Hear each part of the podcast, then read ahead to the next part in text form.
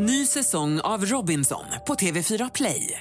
Hetta, storm, hunger. Det har hela tiden varit en kamp. Nu är det blod och tårar. Fan händer just nu. Det. är Detta är inte okej. Robinson 2024, nu fucking kör vi! Streama söndag på TV4 Play.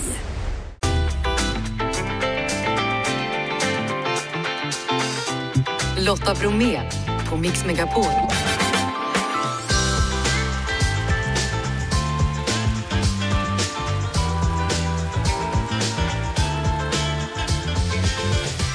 Hallå där och varmt välkommen in till oss denna onsdag. I dagens mix Niklas Strömstedt. Nu släpper han boken om Niklas Strömstedt.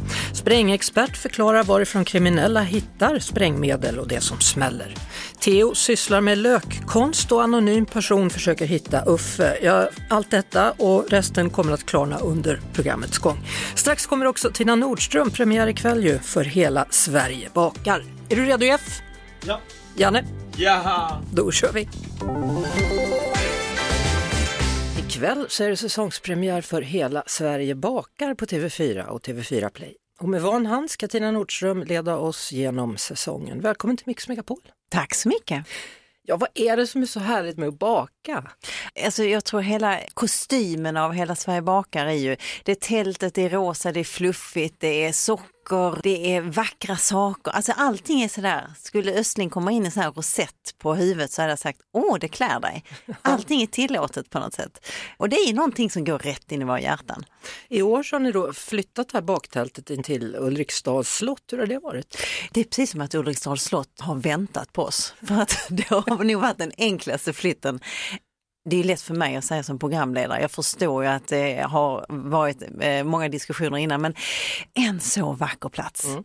Och tältet har ju kommit ner lite på i Taxingen så var vi ganska så högt upp.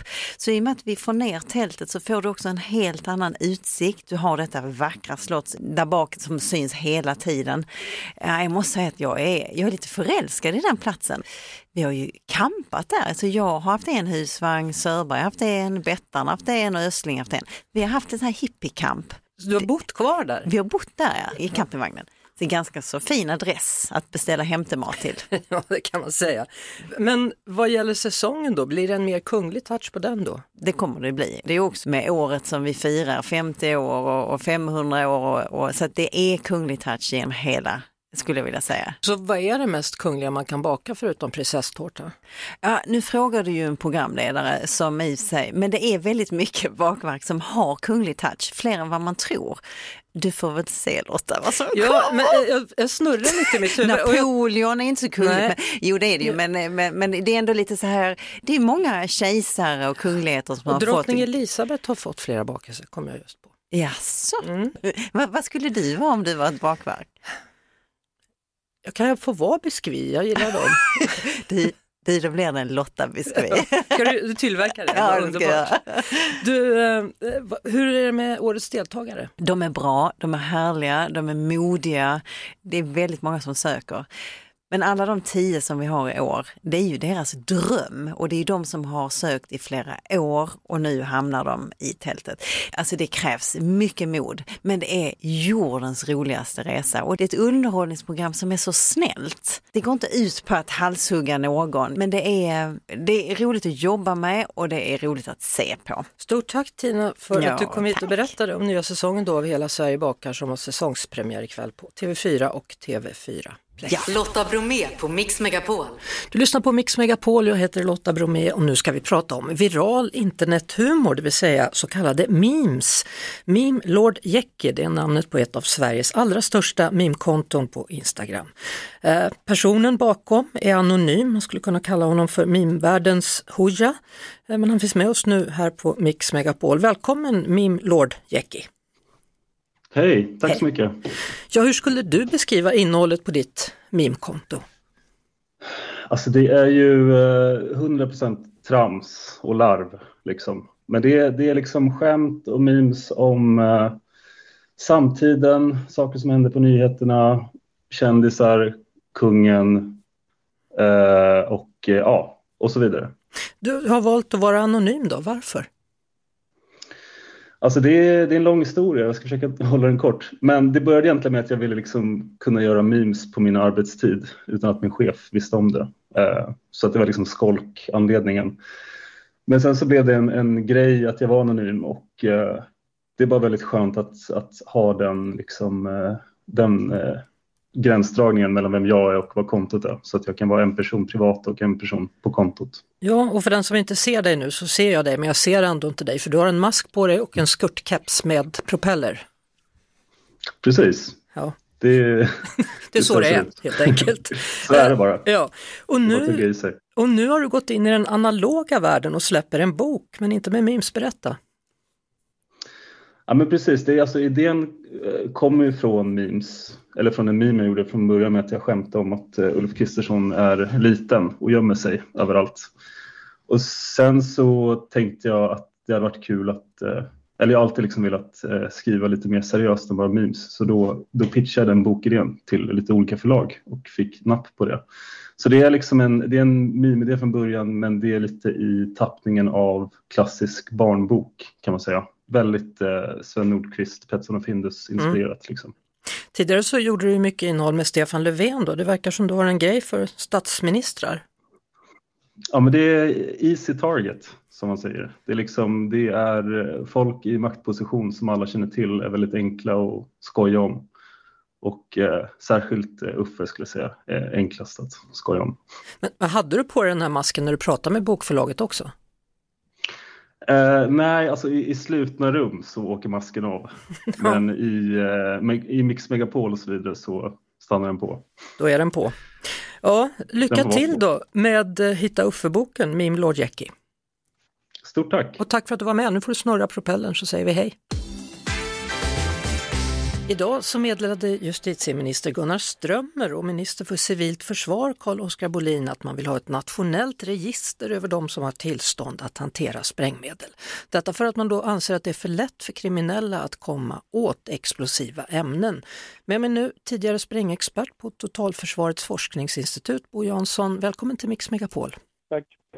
Ja, var får egentligen kriminella tag på sprängmedel? I många fall är det så att eh, de eh, här bomberna som används då för att begå sprängdåd, att de är fyllda med eh, civilt sprängämne.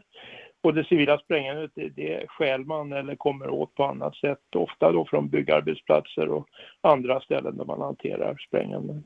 Varför är det så lätt att få tag på den typen av sprängämnen just där?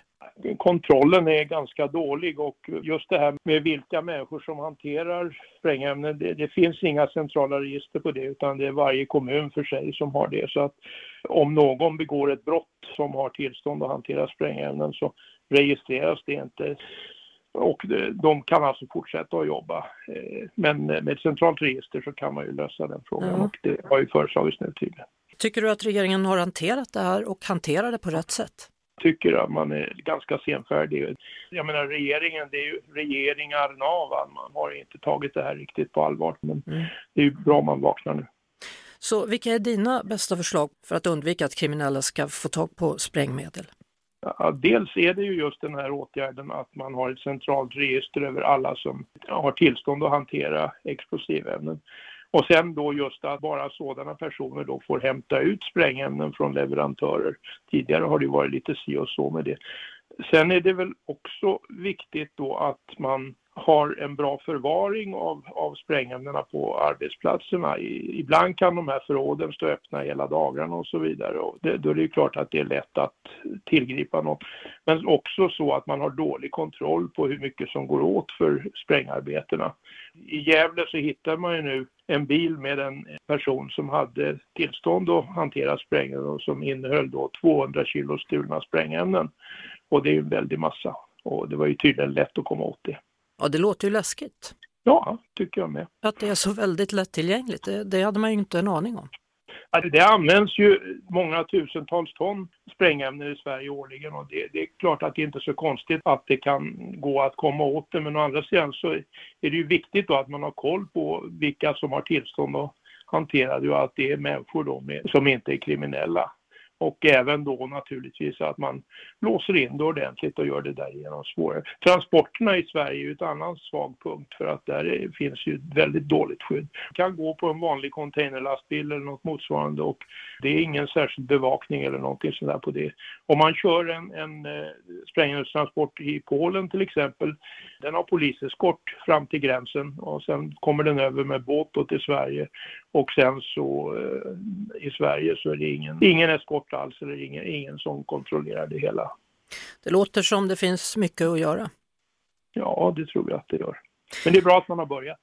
Tack så mycket Bo Jansson, tidigare sprängexpert då på Totalförsvarets forskningsinstitut. Du lyssnar på Lotta Bromé på Mix Megapol. På Öland så invigs idag skördefesten och en stor attraktion är som alltid Theo Janssons löktavla. Välkommen till Mix Megapol Theo. Tack så mycket. Ska vi börja i den ändan kanske? Vad är egentligen en löktavla? Ja, det är en stor tavla på 3 gånger 7 meter där jag sätter fast en massa lökar i olika färger. Ja, och vilken är då, undrar jag, den bästa löken att göra konst med? Den vanliga löken. Nej, men rödlök, gul lök, eh, silverlök och purjolök, det är de bästa lökarna. Sen finns det lite varianter då. då. Ja, jag tänker vitlök, får inte det vara med eller? Ja, men det är vitt och vitt. Silverlöken är bättre då. Ja, ja. Du, när du gör den här tavlan då, behöver du ha skyddsglasögon eller har du blivit immun mot tårar? Jag känner ingenting faktiskt. Det kommer folk och tittar. Åh, vad det doftar, säger man. Och jag känner ingenting. Ja, jag har blivit immun. Ja, äh, men alltså slår du fast dem med spik eller, eller liksom Ja, jag limmar du fast dem? Hur gör du? Jag skruvar i en skruv och sen trycker jag fast löken. Jaha, ja. En skruv, en lök, en skruv, en lök, en skruv, en lök. Ungefär 5000 lökar då. då. Ja, och, och så byter du motiv varje år då eller? Ja, självklart. Annars blir det tråkigt. Ja. Och hem, motivet är alltid hemligt. Så det, det vet jag själv inte förrän två veckor innan det är dags att göra det hela. Mm. Så att det ska vara lite extra svårt. Men vad har du för motiv i år då? Ja, I år så blev det ganska logiskt eh, med mycket stön för jag hade velat göra något annat. Eh, det blev årets Tänk vad spännande. Precis när han ska tala om vad det är så försvinner han. Vi ringer upp honom igen och kollar om det kan gå att få kontakt. Eller är du där? Nej, han är inte där. Vi ringer upp honom igen så får han alldeles strax berätta vad det är för motiv då på den här löktavlan som är hur stor som helst och eh, bästa löken att göra konst med, det hörde ni, det var den vanliga löken, det var rödlöken, det kunde också få plats en och annan purjolök och så vidare. Nu är han tillbaka igen, Theo. Vad var, årets, jag vet, vad var årets motiv? Eh, Grönhögen, årets Ölandsby. Ja, Som, vi- som vi har en invigning av om en timme. ja, ja. Och det, och det har fått bilda bild till- på, på, på löktavlan. Men du, eh, då önskar vi dig lycka till med årets löktavla då. Ja, men tack så hemskt mycket. Och hoppas att du får en fortsatt härlig skördefest på Öland. Ja, det hoppas vi också. Det blir många människor som kommer och tittar så det blir kul. Ja, härligt. Mm. Hej! Mm. Hej! Lotta Bromé och den perfekta mixen på Mix Megapol. Niklas Strömstedts liv, i alla fall delar av det finns i boken om Niklas Strömstedt, eller skriven om Niklas Strömstedt. Vad ska vi ha? Välkommen hit! Ja, men tack. Hur, hur menar du? Vad ska vi ha? Är det boken om Niklas Strömstedt eller är det boken om av Niklas Strömstedt? Eh, både och skulle jag säga. Det var det jag trodde du Ja. skulle svara. nästan, faktiskt. Vad, vad tycker du vi ska ha för titlar här? Ska du vara sångare, låtskrivare, artist, författare eller pensionär? Ja, men vi kan väl ta allihopa då. Ja, grattis i efterskott alltså. Hur var det att fylla 65? 65.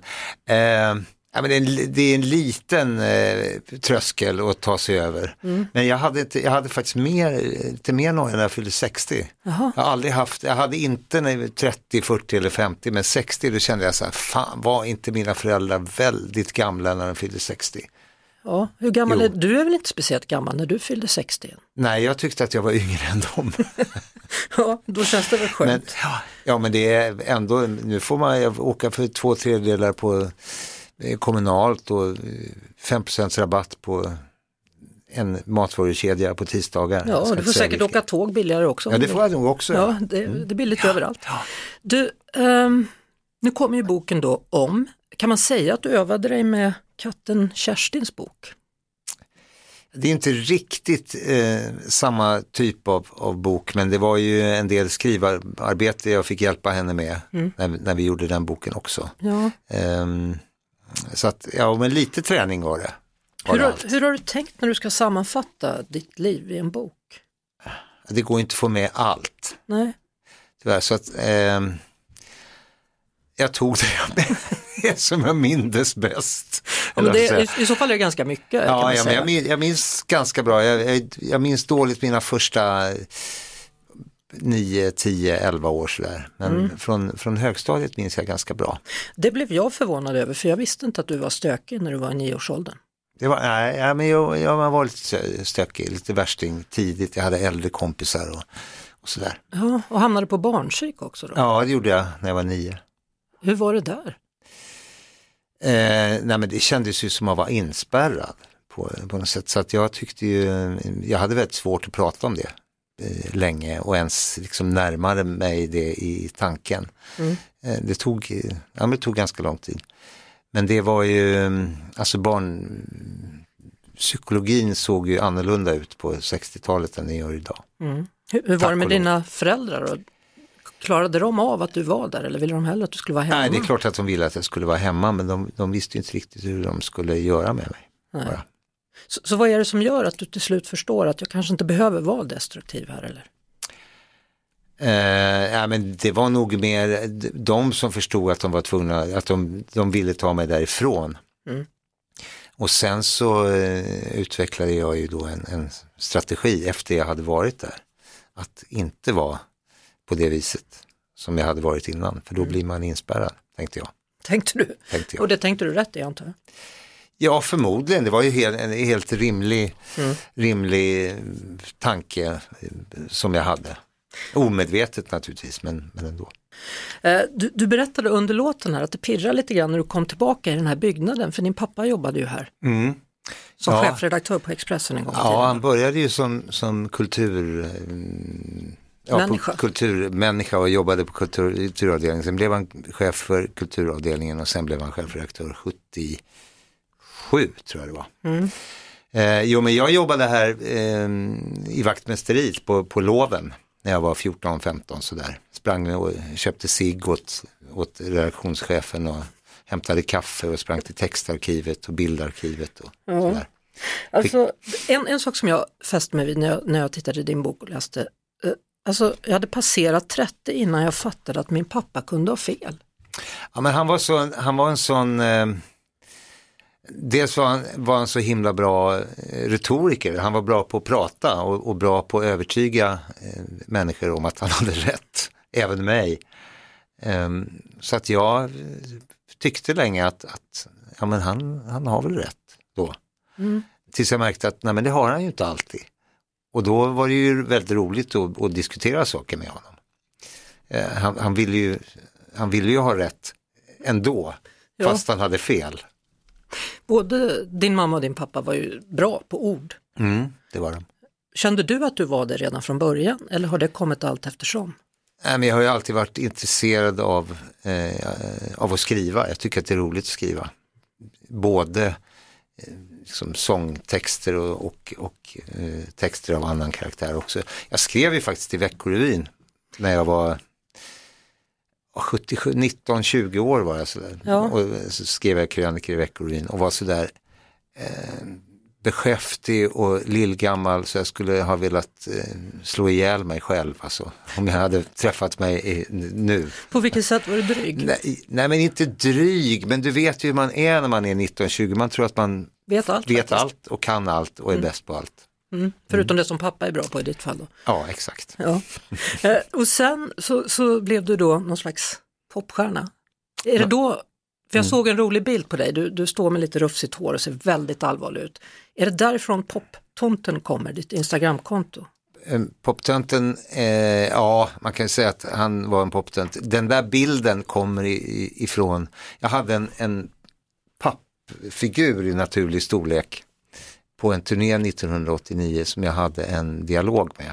Så inspelad, han, hans röst var inspelad så pratade vi om tuffhet och image och, och sådär. Han tyckte jag var jävligt mesig faktiskt. Alltså, det är också intressant med dig att, att du, du skriver om det också att, att killar har svårt att prata om känslor etc. och att, att det finns liksom en, en väg bakåt där man kan se det på din pappa, din farfar och så vidare. Men jag har aldrig tänkt på dig som sån. Eh, men vi har inte pratat så mycket känslor du och jag. Nej, kanske därför då. För jag tycker att jag har aldrig uppfattat som att du skulle ha problem med det faktiskt. Nej, men jag har ju varit, eh, jag har haft svårt att närma mig ämnen som, som liksom bränner till och ligger nära, men jag har ju lärt mig det. Eh, mm. och, nej, men vi, det, det, gick ju i arv liksom från min farfar och min, min pappa och, och man, det blir ju inget bra om man inte kan göra det. Märk, har jag ju märkt då i, i, i, relationer. Ja, är det dina kvinnor som har lärt dig eller är det du själv som har lärt dig längs, ja, det, är väl både, det är väl både och. Eh, alltså jag tycker jag, jag har lärt mig massa saker i alla, i alla relationer jag har varit i men sen har jag slitit ut en annan terapeut på vägen också. Mm. Och Per Naroskin på scen. Per Naroskin på scen, just det. Mm. Kommer ni göra något mer ihop eller? Han är ju då psykolog ska vi säga och stå komiker på sätt och vis. Ja, nej, vi har inte planerat att göra någonting men jag tyckte att det var otroligt roligt att jobba tillsammans med honom. Mm. Det blev någonting väldigt annorlunda. Det blev inte en, en vanlig popkonsert utan det blev, ja, det blev något annat. Uh, jag frågade dig under låten GES, kommer ni tillbaka? Nej. Nej. 130 föreställningar i rad räcker? Ja, vi spelade ju väldigt, väldigt mycket där och det blev ju uppskjutet också. Vi, vi, vi stod ju i scenkläder och full produktion och, och repeterade där veckan innan pandemin slog till. Mm. Och sen så var det svartruta ganska ja. länge. Ja, men sen blev det av i alla fall. Sen blev det av. Ja. Mm. Hur, hur, tänker du liksom kring framtiden då? Vilken typ av föreställning vill du göra nästa gång du ställer dig på scen? Eh, jag tycker att det är roligt att prata. Så att det blir eh, förhoppningsvis eh, någon slags monolog kanske. Mm. Med musik, självklart också. Men jag håller på, eh, jag håller på och jobbar och tänker på det. Jag kan inte säga för mycket. Nej. Men jag vill ju inte sluta spela. Det vill jag absolut inte göra. Jag läser i boken att ditt största musikaliska ögonblick är varken någon solokonsert eller med GES eller med Ulf Lundell utan när du uppträdde ihop med Hasse Alfredsson och Povel Ramel på speldosa. Ja, ja men det var ett sånt där eh, ögonblick som som aldrig kommer tillbaka. Jag menar, få stå bakom Hasse Alfredsson och Povel Ramel som var som är eh, artister som har funnits med hela mitt liv och som jag har växt upp med. Och då tillsammans med, med eh, Lisa Nilsson, Helen Sjöholm och Björn Skifs stå och leka Gals Pals bakom dem det var väldigt, väldigt häftigt. Ja, jag förstår det. Mm. Vilken grej. Mm. Mm. Jag önskar dig all lycka till då med, med framtida projekt. Tack snälla. Och så stort tack för att du kom hit idag Niklas Strömstedt. Tack för att jag fick komma. Lotta Bromé på Mix Megapol. Och tillsammans med mig i studion just nu då är Moa Karlsson, chef på enheten för samhällsskydd och beredskap på Länsstyrelsen i Stockholm och vi ska prata om beredskapsveckan. Välkommen hit Moa. Tack så mycket. Ja, vad är en beredskapsvecka? Ja, det är ju en vecka som egentligen arrangeras eller på initiativ av Myndigheten för samhällsskydd och beredskap, MSB, som är en årlig återkommande vecka där man ska uppmärksamma allmänheten på att stärka sin beredskap helt enkelt. Ja, varför behövs den? Vad är det som kan hända? Det finns ju ganska mycket som kan hända. Titta på omvärlden. Vi har ett krig i, när, närområdet. I närområdet. Ja. Vi har en ganska stor eh, skada på E6 utanför Sten, eller i Stenungsund till exempel. Det är mm. saker som kan hända. Det kan också vara strömavbrott, andra kriser som händer i samhället. Ja, och så uh, har vi gått upp i terrorhotsnivå dessutom då. Precis. Så hur väl förberedda är vi för en kris tycker du i Sverige? Ja, alltså det beror nog på vilken typ av kris, men vi jobbar ju hela tiden på att bli bättre. Och mm. beredskapsveckan är ju en sån för att stärka allmänheten. Om allmänheten blir bättre så kan man ju använda de resurserna till andra delar. Jag vet när man var liten och det fanns, på den tiden det fanns telefonkataloger, då kunde man liksom om det var i slutet av telefonkatalogen eller om det var i början, då stod det allting, så här ska du göra om det är kris. Var ska man titta nu? Ja, man kan ju alla har ju fått utskickat om kriset, krisen eller kriget kommer. Eh, har man inte den kvar, för att man tänkte då när den kom här för något år sedan att nej men det händer nu inte här, då går den att beställa på MSBs hemsida. Mm -hmm. Och där står exakt hur du ska göra? Ja, eh, ja det kan man säga. Åtminstone hur man ska förbereda sig. Och Moa, du har tagit med dig en krislåda och jag blir så imponerad för du säger att Mm. allt det här hade du hemma, för ni har en krislåda hemma hos dig. Ja, det stämmer. Eller jag har faktiskt två, för att vi är en ganska stor familj. Vi är fem personer och två hundar och eh, då är det lite lite att få plats med saker för en vecka i en låda. Så att vi har faktiskt två. Men ja, Ja, och då sa jag så här, du är på riktigt alltså? Ja, Ja, ja. spännande. Förbered, förbered småbarnsmamma. Ja, verkligen. Eh, Ida då, vi tittade lite grann på vad som fanns där i och där fanns både en minibrandsläckare, en powerbank och kanske då väldigt viktigt vattenreningsgrej. Ja, Ja, ett litet system som man kan eh, rena vatten med om man inte får tag i vatten. Sen är det alltid bra att ha vatten hemma. Man räknar med ungefär 20 liter minst per person och vecka. Det innebär ju då att vi som är fem behöver 100 liter, men vi har också hundar så då behöver man till dem. Det är ganska mycket. Om man då har svårt att förvara eller man behöver mer vatten så är ett, eh, någon form av reningssystem bra. Hur, hur mycket mat ska man tänka på då? Jag ser att det är frystorkat i där och det är lite tomater och lite annat. Ja, alltså grejen är att har du ett stort eh, skafferi så kan du ju också förvara grejerna där. Men det som är bra att ha är ju torrvaror som kan, man kan förvara länge. Jag har här en eh, linsbolognese eh, som håller länge. Den kan ätas kall och den kan ätas varm. Jag har nudlar, det är sånt som mina barn tycker om i vanliga fall. Jag har också faktiskt eh, hundmat med mig, för Där jag har ju hund. ja. Det är ju bra att se till att även hundarna har mat. Ja. Eh, eller husdjuren om man har sådana. Jag har också kaffe där i. Och så ett litet, vad heter det, primuskök? Heter det? Ja, ja, det kanske Kanske hette förr. Ja, jo men det är faktiskt ett Primuskök. Det, Ja. Primus är ju faktiskt ett märke, så det här är ett, ett, eh, Litet kök. kök. Ja. Ja, för det måste man kunna ha. Och sen så har du tändstickor och Stämmer. ljus. Tändstickor, och ljus, eh, stormkök. Eh, Jag har lite olika typer av mat som vi ändå äter i vardagen. Och något som är viktigt att komma ihåg i kris, godis. Eh, chokladkakor, tänker så, ja. popcorn. Vi har, jag har popcornkärnor här i. Men, men alltså, vad, vad, om man skriver ner den där listan, gör den lite mindre, för du är ju verkligen proffs på det här. Vad, vad är det absolut viktigaste för mig som privatperson att ha hemma då? Eh, Vatten och värme skulle jag säga. Ja, så det handlar om, om kläder då nu när vi går in i vintern och så vidare? Absolut, jag har en sovsäck här. Det är bra att ha sovsäckar. Man har väl oftast filtar hemma men se till att de finns tillgängliga. Se till att man har varma kläder. Man kan också skärma av rum. Så om man har ett stort boende så kan man skärma av för att hålla värmen där man är. Mm, det var det man gjorde förra vintern när det var el, När det var dyrt. elpriser. Dyrt. ja, precis. Eh, v- Vad går gränsen då mellan att vara en prepper och att vara allmänt förberedd? Jag tänker ju att det hänger ihop med om man följer de här eh, det finns ju, vad ska man säga, eh, rekommendationer på vad man behöver ha för något hemma. Har man det men kanske inte overkill så tror jag att man nog är bara förberedd.